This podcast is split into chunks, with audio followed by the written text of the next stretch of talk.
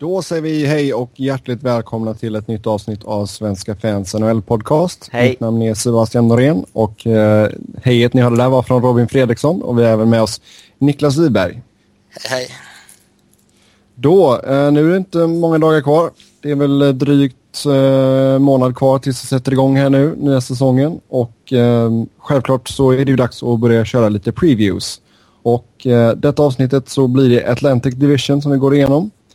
Och eh, om vi kollar lite snabbt då så eh, förra säsongen så slutade Boston i topp. Sen var det Tampa, Montreal, Detroit, Ottawa, Toronto, Florida och Buffalo nere i träsket där. Eh, vi kör i bokstavsordning och eh, börjar då med Boston Bruins. Och eh, första frågan där är väl eh, David Krejcis kontrakt. Sex år och 7,25 miljoner i cap hit. Niklas, är det ett kontrakt du hade gett till David? Eh, alltså man, man kan väl säga lite krast kan jag tycka att han eh, inte är en spelare som ska ha 7 miljoner plus under grundserien. Däremot tycker jag att han är en annan spelare i slutspelet. Och i slutspelen de senaste åren har han visat sig vara en av de bästa. Han har vunnit poängligan två gånger till exempel tror jag och lite sånt här. Så. Det, han har väl förtjänat det här kontraktet på, baserat på sitt spel i slutspelen. Sen är han ingen dålig spelare under grundserien, inte det jag menar, men där är han ju mer liksom eh, ja, lite mer random. Men samma sak med Bergeron ju. Mm. Robin, har du några tankar på Krejci? Det är klart att det är ganska saftigt att sitta på, eh, ja vad blir det sammanlagt med Krejci på 7,25 och Bergeron på 6,5. Eh, Men eh, det är ändå en av NHLs mest respekterade one-two punches på centerpositionen. Så att, eh, ja, det är inte dåligt liksom. Men kanske någon miljon för mycket totalt på de två. Ja, sen såg vi ju Jerome Ginla lämna Boston. Han hamnade ju till slut i Colorado. Eh, vad ska Boston eh, göra nu för att täcka upp i förlusten av Iginla. Vi kan börja med att signa Riley Smith. Uh, I övrigt så har man ju, man har ju inte haft pengar att ersätta Iginla. Man hade ju liksom inte råd att signa honom. Det var inte han som valde att sticka utan de hade inte råd att ge honom ett kontrakt. Så att... Uh, uh, nej, de kan inte göra så mycket. De har en cap-situation där de liksom är upptryckta mot taket och... De ligger ju på liksom negativt eh, cap space nu liksom och de har kvar Torrey Krug och Riley Smith att signa så att det är bara det de måste försöka lösa. Eh, Niklas, tror du att detta kommer sätta mer press på en sån som eh, Louis Eriksson? Eh, ja, det är klart kommer göra det. Han måste ju steppa upp eh, i alla fall ett steg. Eh, man såg ju glimtar av eh, vad ska man säga, hans eh, gamla fina jag stundtals under säsongen men överlag så är det ju klart att hans första säsong i Boston var ju en besvikelse. Mm. Så det är hade klart. ju lite, lite problem med skador.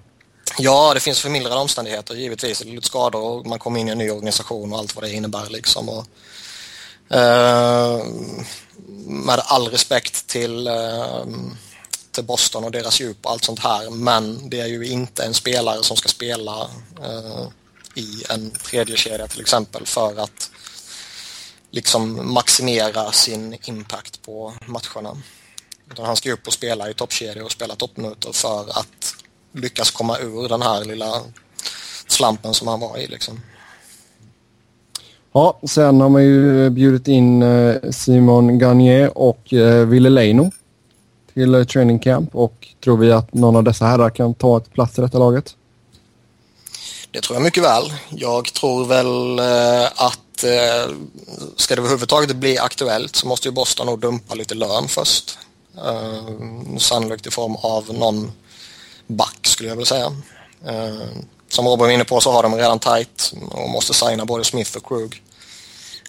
Så det ska nog mycket till om de ska få plats med någon veteran utan att skeppa ut någon annan liksom. Johnny Boychuk ligger nog inte bra till. Nej, han är ju i farozonen, definitivt. Och han är ju också en back som eh, jag tror skulle vara attraktiv ute på marknaden. Oh ja. Helt klart. sen så sätter de ju Mark Savard på long term injured reserve. Så har de lite utrymme att säga Krug och Smith och sen det där forwardsdjupet de, de behöver. Mm. Jag tror ju liksom att det, det, det, man är rädd för när det kommer till de här två så är det ju kanske, eller kanske så är det ju definitivt i Gagners fall att han inte har lirat på ett år och att han eh, givetvis var på relativ nedgång eh, mot slutet på, på ja, när han senast lirade så att säga. Så ja. där, där är det väl lite frågetecken kring honom. Ville Leino är ju frågan om är han slut överhuvudtaget eller var han bara i en jävligt hopplös situation i ett jävligt hopplöst Buffalo? Ja. Mm. Det finns väl bättre depthspelare att liksom, det är inte antingen välja Lane eller Simon Gagné tycker jag. Det måste väl finnas någon annan man kan bjuda in eller hugga på också. Man tycker det. Jag skulle ju personligen hellre gå efter en sån som Penner än uh, någon av de två. Uh, mm. Ja. Mm, ja, Dustin Penner är fortfarande på marknaden. Uh, vi får se vad Mr Pancakes hamnar. Uh, vi kan ju nämna att Johnny Boychuk sitter på ett... Uh, han har kontrakt över denna säsongen och en cap hit på ja, drygt 3,4 miljoner. Knappt 3,4. Ja, knappt. Um, ja, trots detta då är Boston fortfarande laget att slå i öst. Ja. Jo. Man är väl utmanade av eh, två lag kanske i form av Pittsburgh och Tampa Bay skulle jag säga. Men eh, även om Boston ser lite, lite, lite svagare ut efter att de tappade i Ginla. Och eh, de ser alltid lite svagare ut för varje år som går med tanke på den och kära. Men det är givetvis är de det bästa laget i East. Det är det enda laget som jag personligen fruktar fullt ut. Mm. Ja, då hoppar vi över till uh, Buffalo. Och uh, där har det hänt en del i sommar. Uh, vad säger ni spontant om uh, Sabres sommar? Ja, de har väl gjort det de var tvungna att göra. De hade ju en 20 miljoner dollar upp till lönegolvet så att och de satsade ju på att få in lite veteraner i André Mesaros ja, vilka var det mer? Det var Matt Molson de fick tillbaka och eh, Brian Gionta. Eh, kanske missat någon, men det... Josh Gorgers. Ja, just det. Han var ju lite udda. Han tradade dem ju faktiskt för. Men, eh, men eh, ja. Det känns som att det är rätt veteraner de har tagit in, eller bra veteraner i alla fall. Och, så att, ja. Jag tycker det är mycket bra veteraner de tagit in. Eh, även om liksom längden på både Jontas och Gorgels kontrakt kanske är något år för, för mycket så eh, är det bra ledare att få in i eh, ett, ehm, ja, den här fasen i det lagbygget. Mot Matt Målsson vet vi kommer göra många år, mål under många år för dem, är jag helt övertygad om. Äh, Mesaros ja, den snubbe man plockar in som fyller lite löneutrymme och som man säkerligen kan få någonting för framåt trade deadline. Mm. På tal om ledare då, eh, vem skulle ni ge kaptens... Eh, ja, vad säger man? Inte binden säger man inte. Vem skulle ni ge set på bröstet i detta Buffalo-laget? Kaleta. Mm. Nej, han har väl hos Brian Jonta tror jag det känns väl som antingen kommer de ge det till någon som på ett förhållandevis kortsiktigt eh, upplägg som Robin sa så är väl kanske Gionta en, en väldigt bra kandidat i så fall. Eller så tror jag att man sätter det på kanske en sån som Hodgson för att liksom, okej okay, nu är det det unga gardet som ska göra det här liksom. Ja, men det tycker jag vore fel. I alla fall när de är i en sån uppenbar situation och de kommer förlora massvis så ja, Ja, jag sa inte att jag skulle göra det. Jag sa att jag tror det är de två som, alternativen som finns. Men du skulle väl inte gjort det oavsett vilken situation de var i? Alltså lagmässigt? Nej, alltså det beror på lite. Nu tror, nu tror jag ju Jonta i det här fallet är ett väldigt bra alternativ men alltså en, det, det är ju inte jätteovanligt liksom att man uh, lämnar över det på det unga gardet liksom. Mm, ja, vi får se där om sen kanske det är, kan... i det här fallet kanske det är lite, lite tidigt. Utan det kanske är om ett år eller två som man liksom okej, okay, nu är det de unga killarna som ska bära det här liksom. Både på isen och ledarskapsmässigt och bla bla bla. Mm, ja, vi får se. Uh, målvaktssituationen då. Då har man Jonas Enroth och uh, Mikael Neuvert. Ja, jävligt osexigt. Mm. Var det allt du ville säga om det? Jävligt osexigt. Okej, okay, bra. uh, Vissa saker behöver man inte backa upp med argument. Men eh, alltså 52 poäng tog man förra året. Det måste väl ändå så gå att göra lite bättre ifrån sig i år va? Det tror jag nog. Eh, jag tror fortfarande de kommer husera i botten. Eh, både i, i den här divisionen och i konferensen generellt. Liksom. Men eh, att de ska vara så brutalt avhängda som de var förra säsongen, det tror jag nog inte. Mm. Ja, men det känns väl ändå som ett lag som eh, inte har någonting emot att komma där i botten och få ett högt draftval i nästa års draft. Möjligtvis en Connor McDavid. Mm, mycket möjligt.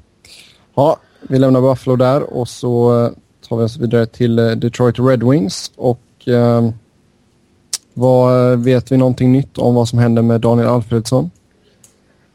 Det kom ju lite snack om att eh, vissa spelare i Detroit eh, verkar eh, ha fått intrycket att Alfredsson själv inte vet om hans kropp eh, kommer hålla. Lite jobbig situation för Detroit att inte veta om han ska spela så sent som i mitten på september. Mm. Det, jag tycker faktiskt han borde ha kommit med ett besked till Detroit vid det här laget. Alternativt att han spelar jävligt billigt när man bestämmer sig så sent. Mm. Det, det, har ju varit så här med andra veteraner tidigare. Uh, Niedermayer gjorde ju så några år och Timo Sellen har ju bestämt sig sent och det är lite andra som har bestämt sig sent liksom. Men de har ju ändå varit på en nivå där den liksom ändå har varit eh, liksom antingen, alltså Niedermayer han var ju fan fortfarande eh, ligans bästa spelare nästan och eh, andra veteraner i andra klubbar som har varit där väldigt, väldigt länge och i princip blivit en ikon. Alfredsson har gjort en säsong och jag lite inne som Robin tycker att fan då ska man eh, liksom då ska man komma med tidigare besked. Mm. Ja, om vi tittar på laget utöver Alfredsson då så jag menar, man har ju fortfarande Zetterberg och Datsuk och så länge de håller sig friska så uh, har man väl en chans men kan det vara så att vi får se Detroit missa slutspelet för första gången på eh, en herrans massa år? Ja, den risken har väl... Eh, de har väl balanserat på den grejen ett par år i rad nu. Deras forwardsida tror jag inte är dålig, även om Alfredsson inte signar. För jag tror att liksom Nyqvist och Tatar bland annat och några till kommer ta ett steg och röra om där. Jag tror Steven Wise kommer ju vara en mycket bättre spelare än han var i fjol med när han kom in ljumskadad och sådär. Ehm. Men jag har svårt att se hur eh, eh, deras enorma misslyckande på backsidan på Free Agency inte ska liksom vara ett enormt problem för laget. Det, det tror jag verkligen det blir. Um... Mm, just nu så har man ju listade då uh, Danny DeKaiser, Jonathan Eriksson, Jakob Kindel, Niklas Kronvall, Brian Lashoff, Kyle Quincy och Brandon Smith. Det är två riktiga försvarare. Resten är ju eh, ibland bra, oftast mindre bra. Framförallt många opolitliga backar liksom. Det... Ja. Kyle Quincy skulle jag inte vilja ha i min topp 6 överhuvudtaget. Eh... Sånt liksom symboliskt, symbolik för deras totala misslyckande där när de får liksom krypa tillbaks på, till honom på free agencyn och ge honom en löneförhöjning för att komma tillbaka att alla andra har nobbat dem. Det var ju... Ja, det... det är klart att det är ett jättemisslyckande men, men samtidigt så två år med Kyle Quincy eller en herrans jävla massa år med Matt Niskanen. Eh, det, det är liksom en, en, eh, en intressant eh, jämförelse vad, vad man egentligen skulle vilja ha. Niskanen är en bättre spelare definitivt men sju år på honom är ju en och med tanke på hur, hur mycket lön han fick är ju en herrans chansning som vi redan har diskuterat i tidigare program. Mm. Jo men visar inte detta ändå, ändå så att Detroits status har sjunkit ganska kraftigt? Jo då. Klart, både organisationen och, och, laget och staden inte minst är ju liksom ingenting numera jämfört med vad det var. Staden är ju ett jävla slumområde liksom. Och från att ha varit en riktig powerhouse med mängder av liksom etablerade, respekterade stjärnor så har de, eh, ja, är vi snälla så kan man väl säga att de har tre stycken. Zetterberg, Datsuk och? Ja, Kronvall. Mm. Ja, vi får se och alla de är ju över 30, ja, Zetterberg och Kronvall är 33 och Datsuk är 36. Ja, eh,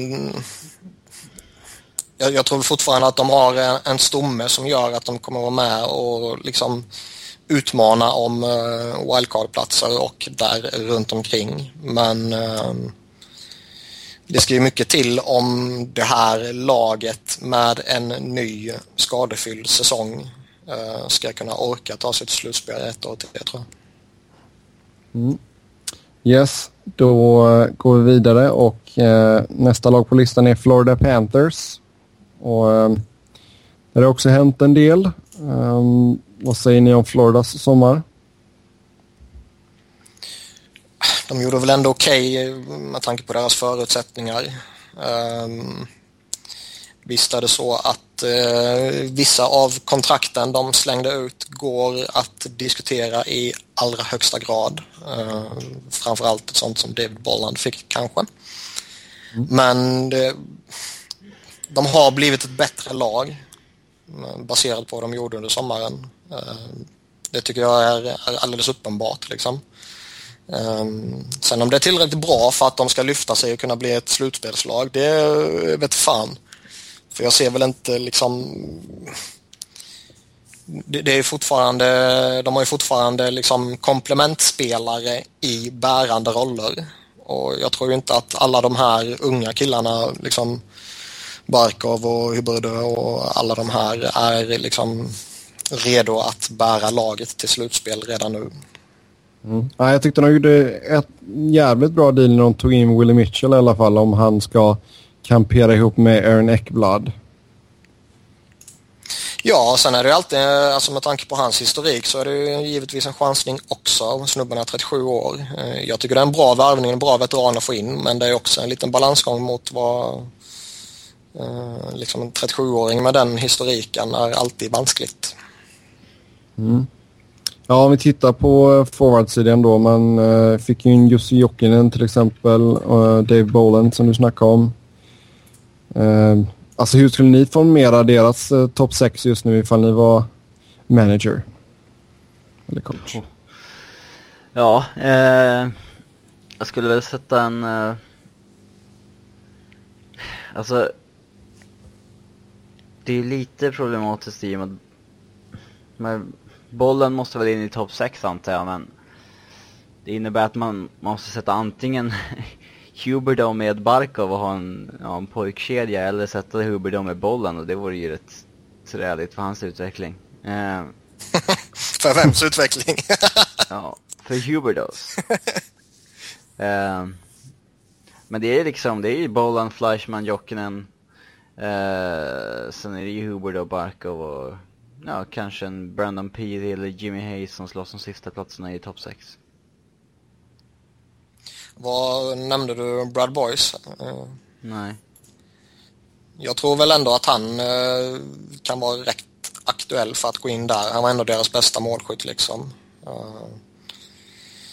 Just målskyttar är väl någonting som de saknar kan jag tycka. Mm. Vilket inte är så konstigt. Det är väl en av anledningarna till att de hamnade där de hamnade förra säsongen. Mm.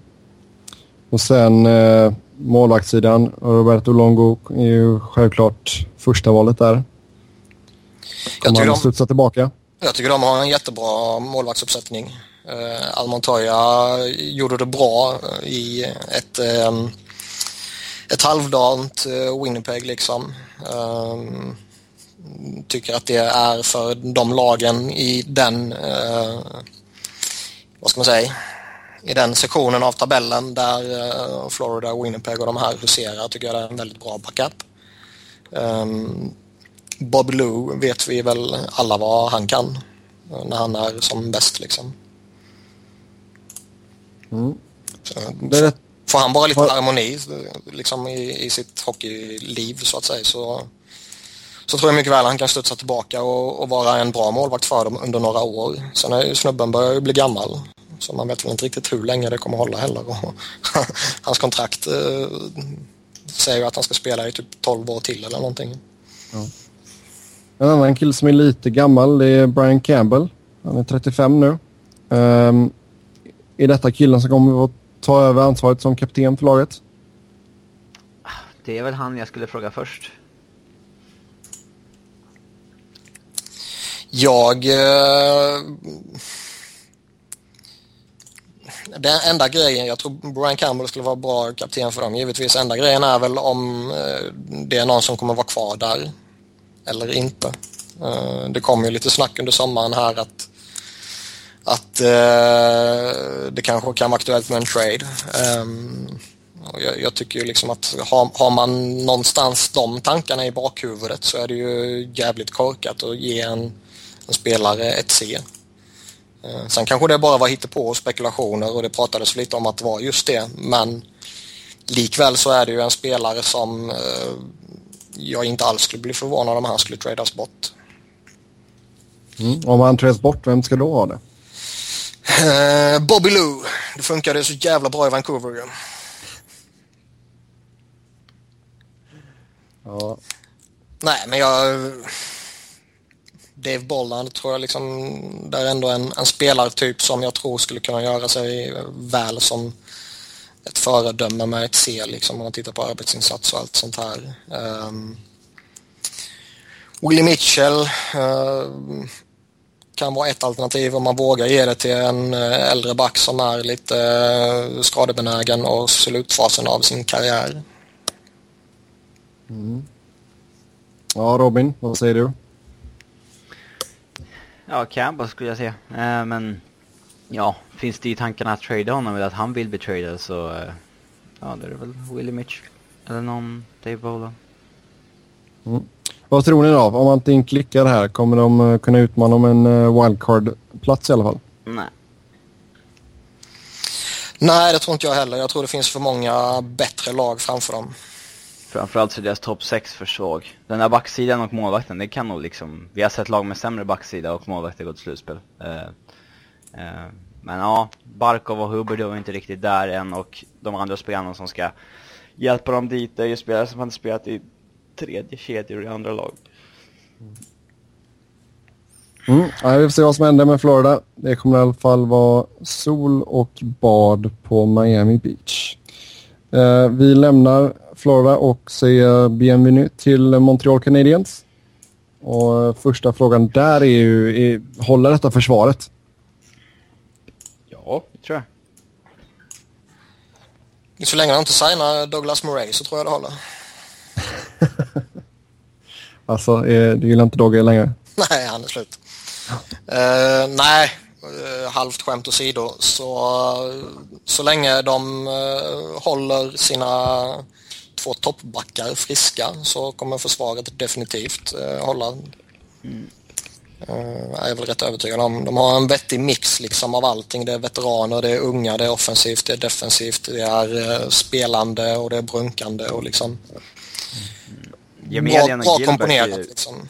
Gemelian och Gilbert är ju bra backar också liksom. Och, eh, de har ju på uppgång i Tenardi och Beaulieu. Så att, eh, alltså deras backsida tycker jag liksom, den är bra. till den. Eh, men visst, alla är ju känsliga för skador på sina toppbackar. Så är det ju. Ja, viktigt att man fick klart kontraktet här med PK Subban. Mm, Ja, det var viktigt. Vi delar födelsedag, jag och han. Mm. stort. Jävligt stort. Ja, jag, vet. jag tror Mark Messier förlorar också. Så, jag vet inte.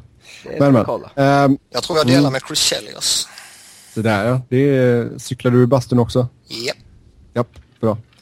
Ehm, man blir ju av med några veteraner här nu över sommaren. Uh, Daniel Briere, Josh George, Brian Jonta, Vanek.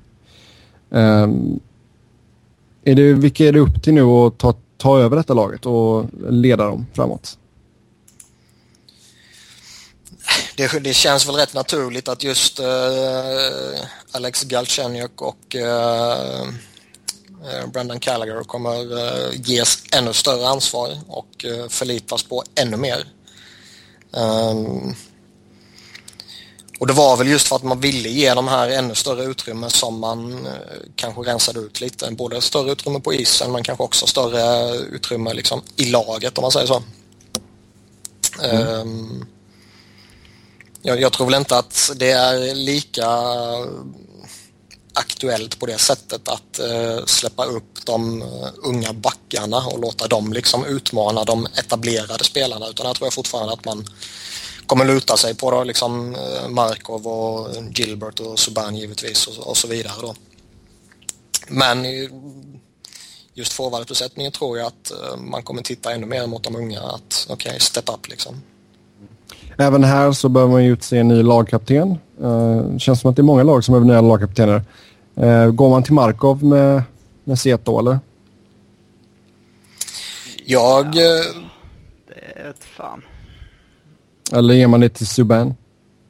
Nej, alltså jag skulle väl vara tveksam att ge det till Subban just av den anledningen att eh, det vart ju en del situationer under säsongen här där man väljer att inte spela honom i viktiga eh, faser av viktiga matcher liksom av olika anledningar. Och man kan inte hålla på så med en kapten och man kan inte ha en kapten som håller på så.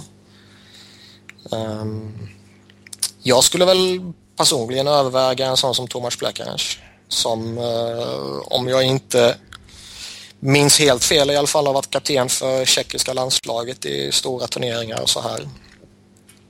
Eh, och som jag tycker är en gedigen underskattad spelare liksom som, som känns som ett föredöme för Montreal. Det finns ett par alternativ egentligen. Det finns Subban, det finns Marko, det finns Plekanec, det finns kanske en Pacioretty också. Eh, så att... Eh, och de som ska ta beslutet har ju den här kunskapen om spelarna som inte vi har kanske i omklädningsrummet och sådär. Jag tror jag inte. ja, sen eh, man tradade ju iväg Danny Brier och fick in Pierre-Alexandre Parentot. Eh, hur tror du att han kommer göra ifrån sig i Montreal, Robin, som ändå har sett honom spela en del? Eh, ett jätteuppköp, den traden. Det är ingen snack om saken. Sen är ju mm. inte Montreal ett lag där man kanske tillåts eh, glänsa offensivt men ändå en spelare som snittar över 60 poäng per liksom 82 matcher säsong de senaste fyra åren. Så att, eh, ja, jag skulle bli förvånad om man inte hamnar där omkring också. Mm. Eh, Montreal hade ju ett bra år förra året, eller förra säsongen. Tror ni man kommer lyckas att upprepa den framgången i, även denna säsong? Ja, Eh, jag ser dem som ett av de starkare lagen i Eastern Conference. Ehm, vilket kanske egentligen snarare beror på att jag ser konferensen som relativt svag än att jag ser Montreal som fantastiska. Ehm, men jag tror likväl det är ett topplag i Eastern. Ehm, de har många bra komponenter. Det enda som väl egentligen saknas det är den här, liksom, den här första centern som man vill ska leda ett lag. Det, det, saknar de ju och det är det som jag tror kommer göra också att de eh, inte riktigt kommer kunna mäta sig med de absolut bästa lagen. Ehm, alltså ska du ställa det mot Pittsburgh eller Boston så alltså då måste du ha två riktigt bra centrar. Samma sak om du går till final och du kommer möta liksom Los Angeles eller Blues eller eh, Chicago eller eh, vad det nu kan vara därifrån. Det finns en hel uppsjö med grymma lag där borta liksom. Jo, det är sant. Så det, det, mm. det, är väl det som gör liksom att jag tror att de inte kommer liksom gå riktigt, riktigt, riktigt eh, långt. Liksom. Men definitivt ett av de bättre lagen i, i Eastern. Yes, ja, vi kommer ju ta ut våran topp tre här snart. Men först så ska vi ta oss igenom resterande lag och eh, då hoppar vi över till Ottawa. Och eh, här är väl en organisation som har lite problem kan vi lugnt säga. ja. Uh, vad, alltså egentligen, vad, vad händer med Senators? Ja du. Eh, ja alltså de är ju i en situation där eh, deras dåvarande stomme liksom eh, inte höll så att säga. Eh, och ville bort. Sen nu är de ju, de har inte fått in särskilt mycket vettigt före tillbaka och ja, de är i en situation där de borde trada Bobby Ryan också för att liksom inte tappa honom gratis nästa sommar. Eh, Ja, för han lär väl inte skriva nytt. nej. Det ska nog mycket till. Det, Bob McKenzie var ute och snackade i radio om det var igår eller häromdagen eller något sånt här liksom att eh, han inte skulle utesluta att Bob Ryan mycket väl kan stanna kvar liksom att att det mer handlar kanske om att han eh, liksom blir han eh, nyckelspelaren, att blir han snubben som man går till, blir han snubben som man söker i powerplay, blir han välbetald så kan han mycket väl tänka sig att vara kvar i Ottawa. Och liksom, när Bob McKenzie säger ett sånt så är det ju inte bara tomma spekulationer tror jag. Mm, Nej, Bob, Bob har vi respekt för. Mm. Ehm, sen, jag tänkte fråga lite snabbt också om målvaktssituationen här. För man gav nya kontrakt till både Craig Anderson och Robin Lehner. ja. Ehm, vem, vem hade ni startat? Lener. Eh, jag tyckte att kontraktet till Craig Anderson var ganska konstigt också. Eh, man, Jättekonstigt med tanke på att ha ett år kvar. ja, han hade ett år kvar på det. Det hade varit en perfekt situation att vänta liksom framåt, eh, framåt deadlinen och se liksom vem behöver målvakt. Och Craig Anderson har ju ett CV som gör att många kanske skulle ta en chansning på honom. Uh, för är han på rätt humör så är han en av NHLs absolut bästa målvakter. Uh, och Uh, Alltså det, det är inte lättare att trada en 33-årig målvakt för att han har fyra år kvar på kontraktet helt plötsligt. Det hade varit en mycket mer attraktiv spelare om han var pending i UFA. Alltså, jag, jag, tror, jag tror inte de uh, signar honom för att trada honom nej, men... eh, Alltså de kom, jag, jag, jag, det känns lite som att okej nu, nu kommer vi liksom rida det här paret eh, under de här kommande tre åren liksom. Ja, det är också märkligt. Eh, för att, fan... Det är väl ändå läge för Lena att ta över. Eh, Jag skulle lotsat in honom. Alltså de, de har ju ett lag som eh, jag är rätt övertygad om inte kommer eh, liksom räcka någonting till. Eh, de har någon enstaka liksom bärande spelare och eh, plockar man bort de kanske två största namnen, Erik Karlsson och Bob Ryan, så ser det ju jävligt suspekt ut. ytterst, Mm. ytterst tveksamt lag då. Ja, Erik Karlsson lär väl göra flest poäng i det här laget. Ja, Ja, även här så behöver man en ny lagkapten. Eh, Ger man det till Karlsson eller? Det är nog inte helt omöjligt. Han är väl den enda de har kvar som kan, liksom, kan kallas något åt franchise-hållet liksom. Eh, det är ju... Sen kan man väl... Eh, Niklas ska ju peta ut, eller peka ut hur många brister han vill i, K-65, men eh, det är ju ganska unikt med en back som gör en poäng per match i en, dagens NHL. Och han är den närmsta de har till en, liksom en, en rockstjärna. Han är, han är, eh, jag, jag tror de flesta som brukar regelbundet lyssna på oss vet vad, vad, vad jag tycker att han har för svagheter och jag tror att de flesta kan se de svagheterna rätt tydligt liksom men Direktskottet. ja, det, det håller inte. Han måste skjuta utav helvete den här sommaren för att bli bättre. Nej men alltså det, vad man än tycker om honom och jag kan ju vara kritisk till honom eh, men han är ju ändå ett föredöme för Ottawa. Alltså han är ju en av deras ledande spelare och han är ju en av de här som man följer eller vill följa. Ehm, och som eh, Robin sa så är han ju liksom, det är ju han som är stjärnan. Sen, sen, är det, sen är det liksom alltid den här diskussionen som man alltid kan ta när det kommer till lagkaptensfrågor i alla lagidrotter, inte bara hockey. Ska man göra den största stjärnan till kapten bara för att han är den största stjärnan? Jag har svårt att se mig i Ottawas omklädningsrum framför mig heller. Jag, jag, jag tror inte att Erik Karlsson är den största ledaren där inne kanske. Jag tror att han är... Han har kanske inte samma mognad som andra unga kaptener har. Eh, men, Jag undrar om en sån som Milan Michalek skulle ta det. Ja men fan, Michalik är väl ingen NHL-kapten heller? Eller? Nej, men det tycker jag inte Erik Karlsson är heller. Ja. Alltså, det, det finns ju, alltså tittar man på de flesta lagen som står utan så kan- alltså vi pratade typ Florida innan kunde man ändå peka på Okej, de har två, tre, fyra kanske som, ja men de, han kan jag se som kapten och han kan jag också se som kapten. Men Ottawas fall så är det ju väldigt få som man känner att, jo men han skulle vara ett bra alternativ.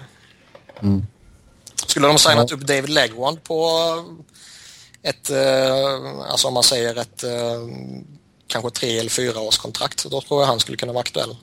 Jag tror fortfarande han kan vara aktuell, men eh, kanske inte lika mycket. Mm. Nej, vi får se vad som händer där. Eh, lär ju inte vara jättehög odds då på Eller så, Karlsson. väl, eller så väljer man att köra med 3A. Ja, det är ju så jäkla tråkigt bara. Ja, det Eh, är pisstråkigt, men sen samtidigt så har det ju gått åt helvete för alla deras kaptener. Alexej Yashin var ju ett jävla debacle för eh, herrans massa år sedan och. Alfredsson och Spetsa har stuckit liksom. så Alfredsson var bra som kapten. Bra. Mm.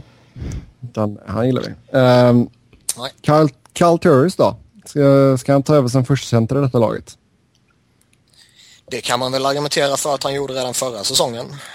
Eh, Är, är han en första center då?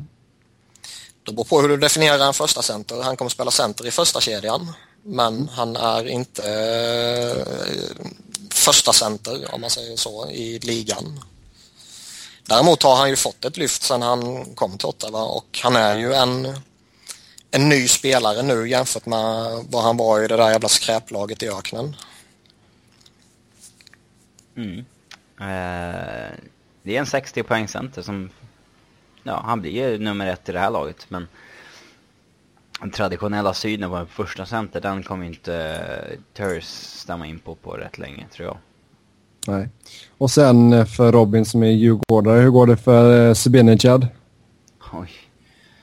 Ja, Sebenejad, ja. Alltså jag tror inte att han eh, kanske lyfter i ett lag som kommer vara så pass svagt som Ottawa eh, kommer vara i år tror jag. Eh, men visst, det borde vara dags att han tar någon form av eh, uppenbart kliv.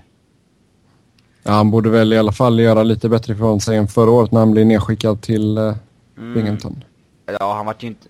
Det var ju förra säsongen han blev nedskickad, sen kom jag upp och spelade upp resten av året liksom. Eh, men ja, han började i alla fall spendera hela året i NHL och göra en 40 poäng kanske.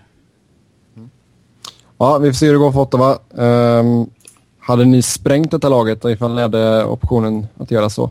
Ja, Jag hade eh, inte förlängt med Craig Anderson och förmodligen tradat honom eh, under säsongens gång om Robin Lehner spelar hyfsat. Eh, sen tradat Bobby Ryan. Eh, ja. Sen kanske... Eh, alltså, alla spelare finns det ett pris på, typ. Även Erik Karlsson. Alltså, skulle Erik Karlsson gå på marknaden så skulle de ju kunna få ett helvetes utbud för honom.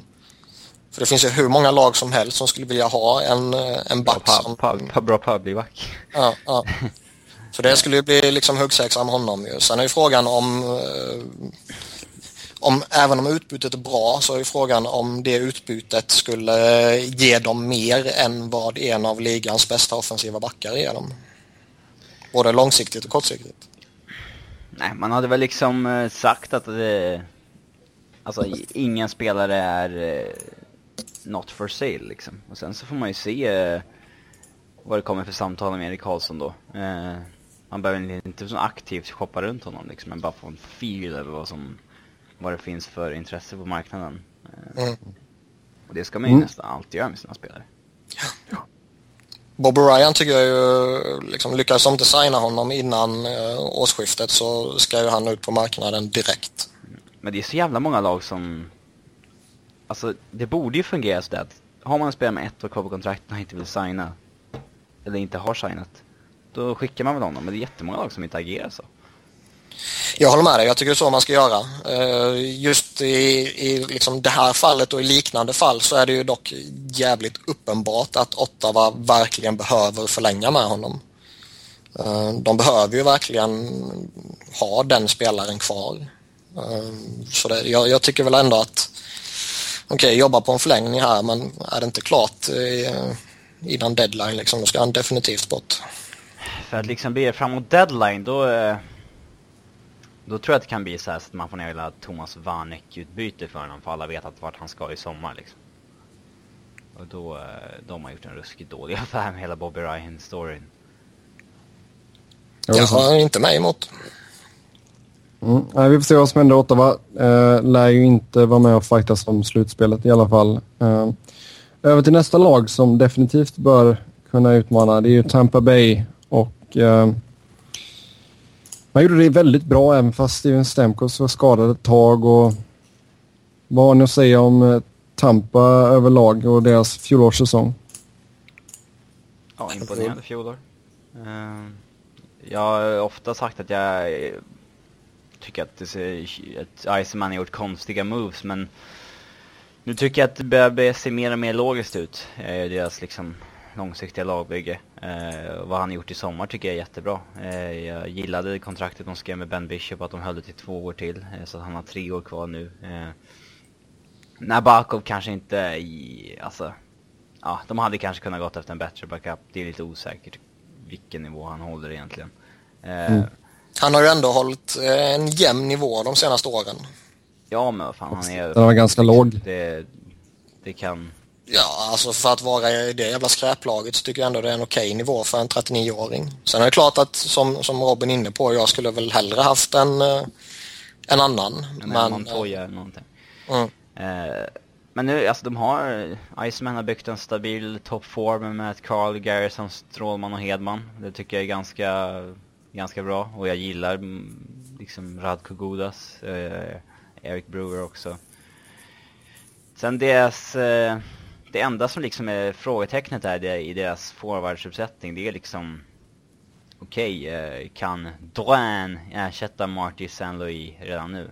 Eh, det återstår att se, men de har ju så jävla många som är liksom på enorm uppgång i Palat och Tyler Johnson och ja, Duran, eh, Nikita Kucherov, de har liksom så många intressanta namn på uppgång så att det, ja, någon kommer explodera där också så att eh, jag tycker de har gjort ett, eh, ett riktigt komplett lag. Eh, jag tycker inte heller att det var så tokfel att signa Ryan Callahan och ändå, eh, det, det kan han kan ha några riktigt bra år där tror jag.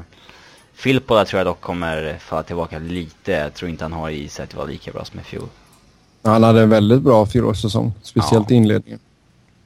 Mm. Um. Fast han fick, han, han personligen så gynnades ju han lite av Stamkos skada. Ja, absolut. Ja, det var det. Alltså han fick, han fick ju en roll och han fick ju passningar och han fick ju utrymme och så vidare som Eh, man inte får bakom en Steven Stamkos eller motsvarande. Alltså han är ju en 40-41 poäng center för min del. Att han gjorde 33 assist det är ganska rimligt. Men han gjorde ju mål på typ vartannat skott hela säsongen. Det, mm. det tror inte jag han håller i. Nej, och sen som du säger där, Palat och, och Johnson var ju verkligen eh, utropstecken också i detta laget förra säsongen. Det stämmer.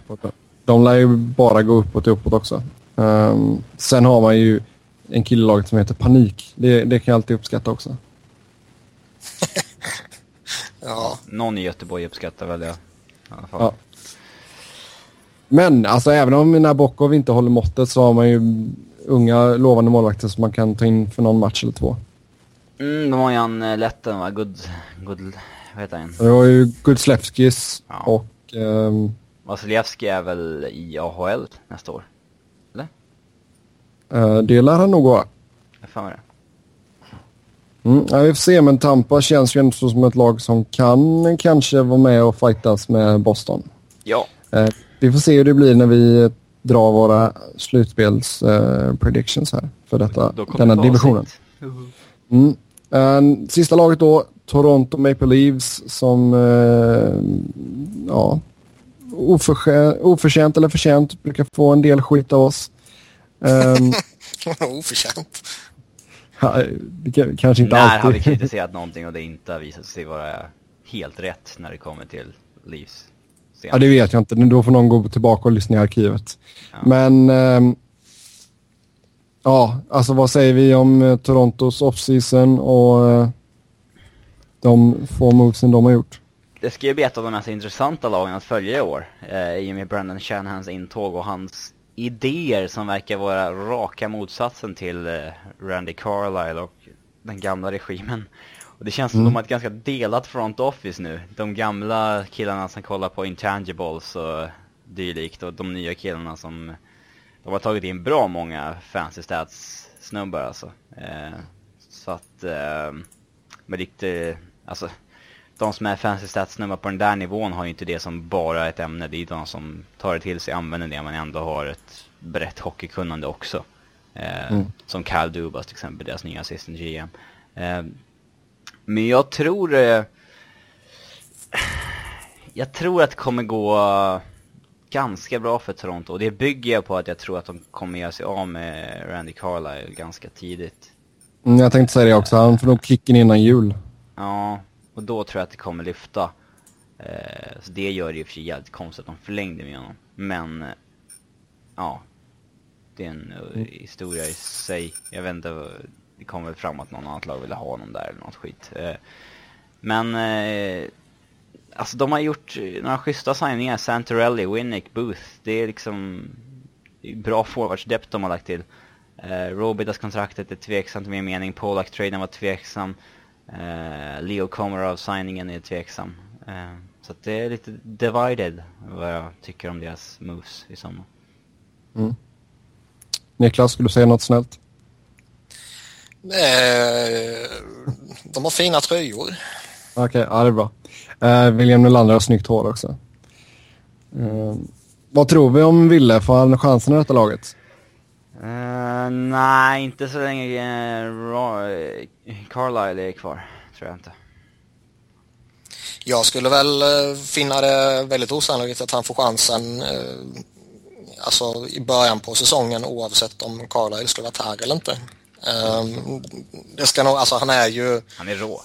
Tro- trots att han är enligt Robins uppfattning jävligt, jävligt söt så är han ju trots allt jävligt, jävligt liten fortfarande. Omogen i sin spelstil också. Det är mycket titta ner i isen och köra och... Alltså det är... Nej, han, har, han, är, han är grön. Han har en bit kvar.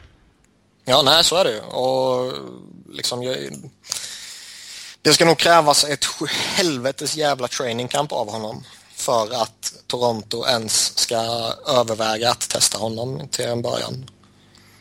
Kan vi bara flippa håret Han bakom? var, han var ju... Han var inte ens nära att vara dominant i Modo liksom. Så att, Ja, eh, det, men visst, han är en... Han är en ett period på karriären där han liksom utvecklas dag för dag nästan. Så att... eh. Sen, sen är det väl så också, ska han spela i Toronto så eh, ska det vara som winger liksom. Och där har de ändå numerärt eh, det gott ställt. Ja. Ehm, det är en del right-wingers som går före som sitter på långa kontrakt. Ehm, Men eh, det är möjligt att uh, Nyllet kommer bli en sån här spelare som kommer lite i kläm närmaste åren. Att han liksom kommer vara en sån som, ja men ska han spela då ska han vara i topp 6 liksom. Och, eh, ja, och så kommer han in, är han inte där då kommer han skickas ner. Lite så här som Nassim Kadri hamnade i ganska många år Toronto. Ja, på tal om Kadri så är, om vi tittar på centeruppsättningen, vad, vad har ni att säga om det? Kadri är ju en del där tillsammans med bland annat Tyler Bozak. Eh, Kadri gillar jag, Bosak gillar jag inte. Eh, jag, jag hade velat se en mer naturlig ersättare för Jamie McClement för han åt ändå tuffa minuter åt dem. Eh, sen kanske det var konstigt att eh, Randy Carlisle satte in honom som typ eh, tekare i offensiv zon med en minut kvar när de jagade ledningsmål men uh, han är fortfarande bra på det, det han gör eh, med Clement. Eh, förutom när han liksom sätter sig i fel situation nu, det är inte hans fel. Eh, där, ja, ja, jag har svårt att se vem, vem som ska ta de minuterna riktigt faktiskt. Dan, Daniel Winnick kanske? Ja, men han är ingen center så att... Det känns ju, centeruppsättningen tycker jag inte är tillräckligt bra och det är väl ingen som tycker det liksom. Ehm, och återigen som jag var inne på när vi pratade, så vilket lag det var nu kommer jag inte ihåg, men liksom ska det upp mot de bästa lagen så är det centeruppsättningen som eh, måste hålla en viss nivå och det gör det inte i Toronto. Sen finns det andra problem i det här laget också. Eh, men, men just att de, de inte har en eller två eh, centra som verkligen kan gå in och, och ta det här laget liksom, under, eh, liksom slänga upp det på, på ryggen och bära laget. Eh, det, är en av de absolut största svagheterna. Det, kan det kommer vara ruskigt mycket. det hade varit kul att vara en liten fluga på väggen på, i Torontos front office när de ska diskutera internt vilka spelare som är bra och inte där hälften av gänget är fancy stats folk som håller Cody Franson väldigt högt. Och eh, andra hälften kanske inte håller Cody Franson så himla högt utan mer föredrar en... Ja, Roman Polak. Ja, dylikt.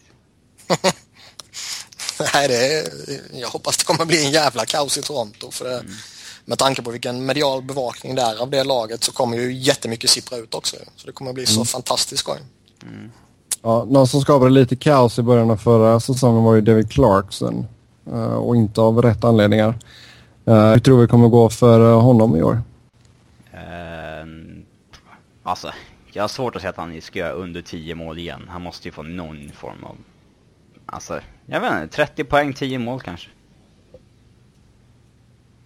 Det ska väl mycket till om man har en lika galen säsong uh, igen. För även om det är en, en spelare som alldeles uppenbart fick ett alldeles fullkomligt jävla galet kontrakt och uh, liksom uh, inte är så pass bra som de verkar tro att han är så, så är det ju ändå en spelare som är långt mycket bättre än vad han visade upp den här säsongen.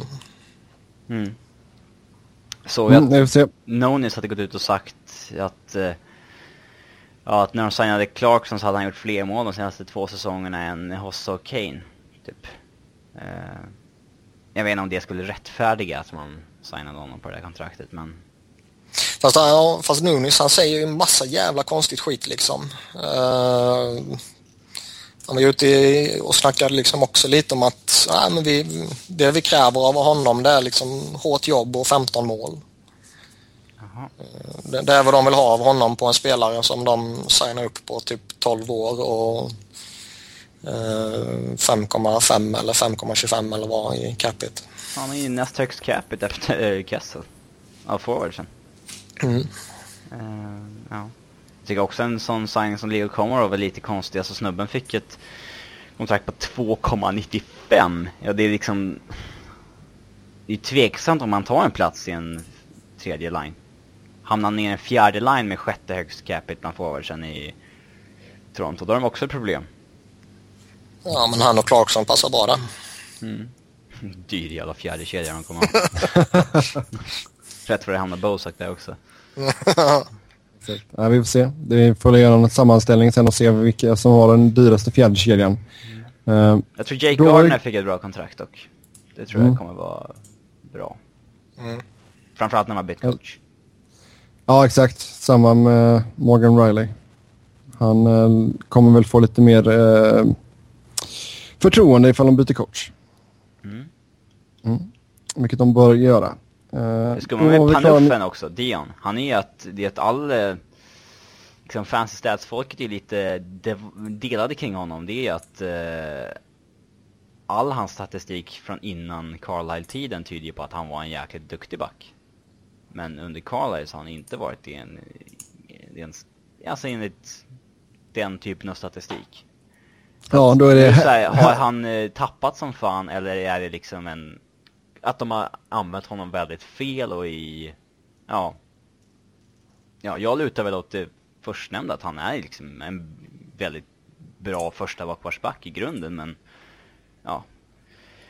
Jag tycker att de har, ja de använder honom konstigt. Spelar han med skitspelare och mot de bästa spelarna och så här, det Alltså det, han har ju, ta så fick han ju spela mot de bästa och ha Carbinian Holzer bredvid sig liksom.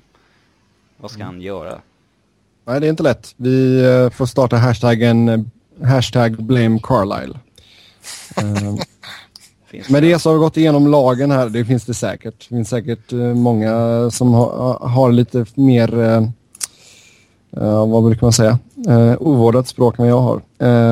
Då har vi gått igenom lagen. Då ska vi ta ut våran topp tre då, de som går till slutspel och eventuellt wildcard-lag. Uh, vi kan börja med Niklas. Jag har uh, Boston som uh, klar. Jag har ingen aning om det där kom med i programmet nu, bara så ni vet. Vad gick du ut på balkongen eller? Nej, jag råkade gå lite från datorn så min sladd rycktes ur datorn i headsetet. Så att jag, jag, jag hörde ju er från högtalarna i rummet, men jag visste såhär, okej, okay, vart, vart, vart spelar programmet in nu? Ja. Jag har ingen aning, men... Uh... Vi sa ju inget viktigt, det var bara Sebbe som gick till att vi, nu ska vi tippa. Ja, ja. Uh, brukar sällan vara något viktigt när, när Sebbe lägger Ouch. upp ett ämne så här. Han men, filat på en schysst övergång dit, hela, hela, hela Toronto-snacket. Ja. Nåja, tippa. Ja. Nåväl, nu när eh, vi har brutit ner Sebbes eh, hybris och eh, Robin har kopplat in sina hög, eller hörlurar igen så har jag Boston på första plats i Atlantic och precis som gångna säsongen så har jag väl dem som eh, tydliga ettor. Mm. Eh, jag ser dem så pass mycket bättre än de andra. Sen är det väl i mitt tycke lite som det var denna säsongen också ett dött lopp mellan Tampa Bay och Montreal. Mm. Där eh, jag kanske ser liksom eh, laget och lagbygget och hur det är formerat kanske ett litet, litet övertag för Montreal. Men Tampa Bay har en spetsegenskap i form av Steven Stamkos som Montreal inte är i närheten av lite mer utvecklingspotential i laget också tror jag. Fast de har många fast Montreal... på rejäl uppgång alltså. Ja, fast Montreal har ju en hel drös med sådana också. Sen är det klart att det finns några fler i Tampa Bay, definitivt. Eh, men det är liksom ändå, det är inte så att det bara är gamla veteraner i Montreal. Nej, men fler som man lutar sig mot. I Tampa är det i stort sett bara Filppula och Stamkos på forwardsidan. Och Stamkos, alltså han är ju inte gammal heller. Nu eh, är det väl lite taskig kan jag tycka mot eh, en Callahan och eh, så här va. Ja visst, Callahan är också gammal. Men det finns en större äldre stomme i Montreals försvarsuppsättning som man lutar sig på. Okay. Ja. Sen har vi alltså wildcard. Blir det en wildcard i Atlantic? Nej, jag tänkte säga det. Alltså, det är väl möjligtvis Detroit som kan göra ett ryck där de gamla gubbarna lyckas bära laget igen. Liksom. Um, I övrigt uh, är jag rätt tveksam faktiskt. Uh, det känns som att det finns liksom en fem, sex lag i uh, Metropolitan som, uh, som är bättre än resterande lag i Atlantic. Mm. Ja, Robin, hur ser din lista ut? Uh, Boston klar etta, Tampa snäppet före Montreal.